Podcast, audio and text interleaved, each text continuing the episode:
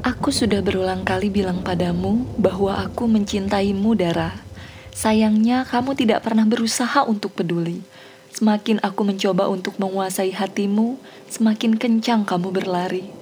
Sampai saatnya, aku letih dan berhenti berharap. Kamu masih tetap mengulas senyum kepalsuan dan teguh untuk mempertahankan hubungan kita yang mengambang. Enam tahun bersama dan baru sadar bahwa kalian tidak cocok ucap Radit kala itu tak berbisik. Kamu tidak bilang apa-apa, hanya suara sendok beradu tepian dalam gelas minuman pesananmu tadi yang memecah keheningan di antara kalian. Kamu tidak menyadari seseorang memerhatikanmu diam-diam. Gedung dan catering sudah dipesan, undangan siap disebar, lebih dari itu.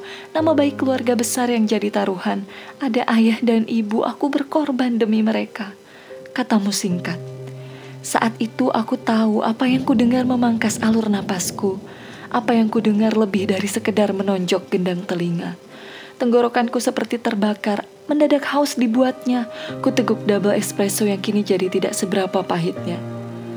Mungkin ini hanya godaan, Ra. Bukankah ini yang dari dulu kalian nantikan? Tinggal sebulan lagi. Mendengar Radit justru membuatmu tidak segan menangis. Semua orang yang ada di kafe sudut beraga ini memerhatikanmu tak terkecuali aku yang duduk tidak jauh dari situ. Bersembunyi di balik tudung jaket berwarna kelabu, sebenarnya aku tak tahan, Ra. Aku ingin sekali pergi dari tempat ini, tapi kaki-kakiku kaku. Semakin hari aku justru semakin tidak yakin padanya, Dit. Dia baik, dia sangat baik. Aku dan dia berjuang bersama sampai ke titik ini, tapi aku malah jadi tidak yakin. Ucapmu yang lagi-lagi membuat aku bersusah payah menghibur diri bahwa ini tidak nyata. Radit menghela napas. Ikuti kata hatimu saja dan jangan lupa pakai logika, ujarnya.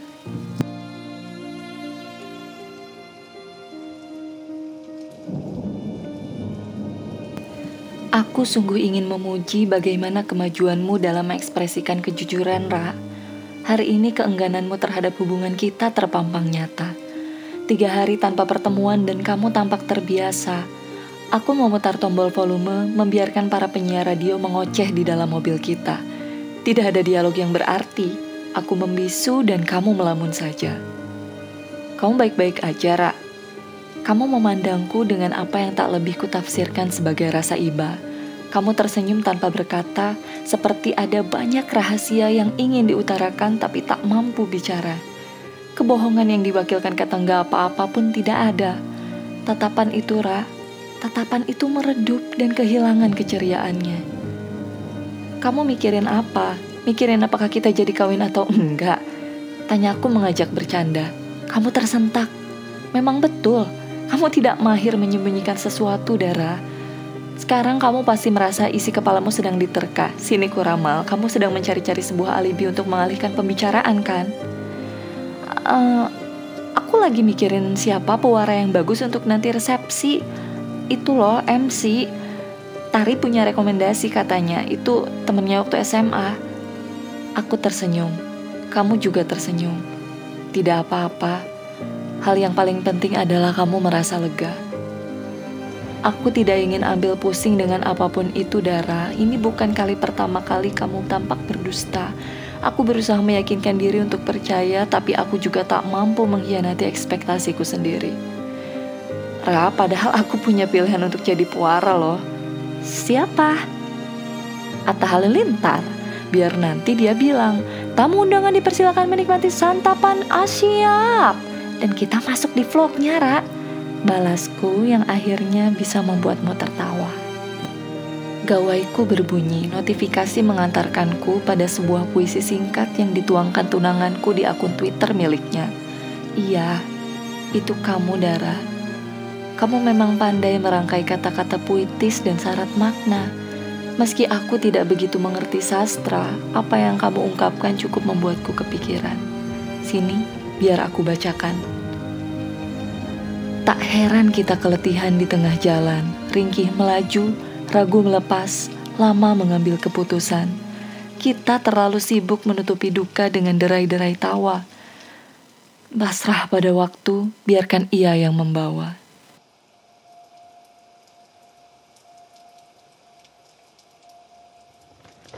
Aku bertanya pada orang-orang terdekatmu, Rensi yang selalu jadi teman curhatmu sejak SMA, Tari yang sedang sibuk menyiapkan kejutan bridal shower untukmu, juga Lucy, Eko, dan Radit, teman kantormu. Semua seperti orang yang berpura-pura tidak tahu, atau itu memang betulan. Kamu betul-betul membuatku panas dingin, Ra. Aku jengah ditanya banyak orang yang membaca puisi yang kau jadikan tweet. Katamu ini. Apa hakikat dari terikat? Jika jiwa yang mencinta dipaksa untuk merekat. Langkah diawasi, menciptakan ruang-ruang membatasi, posesif harga mati. Lalu, apa hakikat dari terikat? Jika Tuhan dengan mudah bisa menjauhkan yang dekat. Ini hari ketiga kamu tidak membalas pesan dan mengangkat telepon Kunra.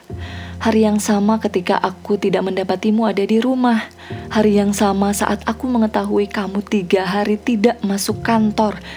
Sekaligus hari di mana ibumu tampak sangat merasa bersalah saat melihatku kewalahan mencari kabar darimu. Aku tahu kamu masih hidup kok, Ra. Aku tahu itu dari puisi yang kembali tiba-tiba muncul di lini masa Twitter. Seperti ini katamu, ada orang yang tidak pandai menyembunyikan luka, kagap menyulap sedih, gagal mengelap pedih. Ada juga orang yang tidak pandai menyembunyikan duka, menguatkan hatinya dalam diari, ditandatangani senyumnya sendiri.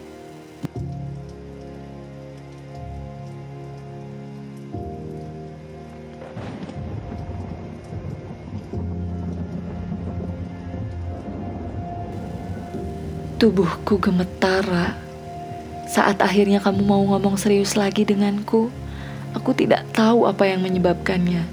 Aku tidak tahu, aku deg-degan.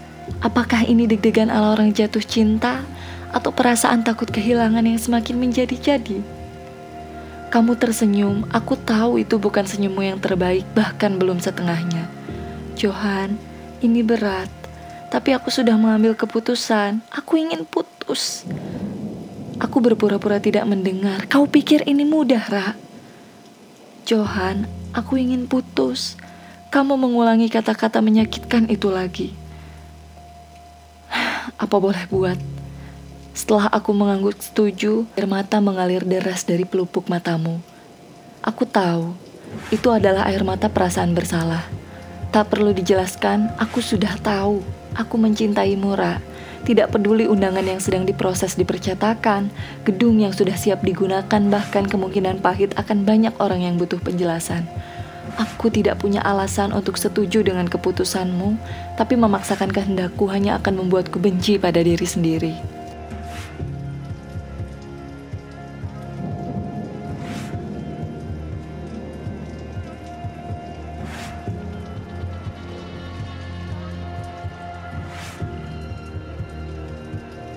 Bulan telah tinggi di tengah langit. Bandung meniupkan angin dingin menunjukkan rasa kantuknya.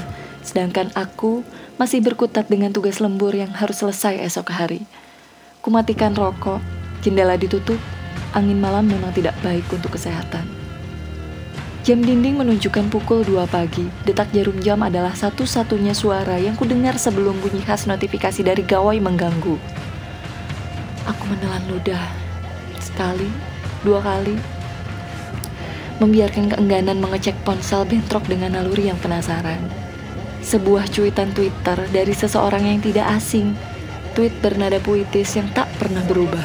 Karena memang yang berubah hanyalah foto profil sang pemilik akun yang kini memajang foto berdua bersama teman kantornya yang kulihat di kafe tempo hari. Kita terjebak pada definisi masing-masing, membawa pada bahagia yang semula terasa asing kita memperjuangkan sesuatu, hasilnya apa? Setidaknya lebih baik dari tidak memperjuangkan apa-apa. Kutekan tombol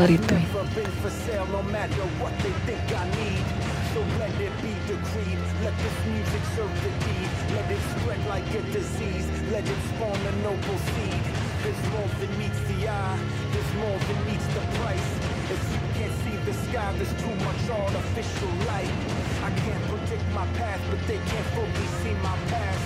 I'm running from the flash, but heading straight inside the blast. A mountain full of ego built upon a heap of trash. It's exactly what you get when you can't fully do the math.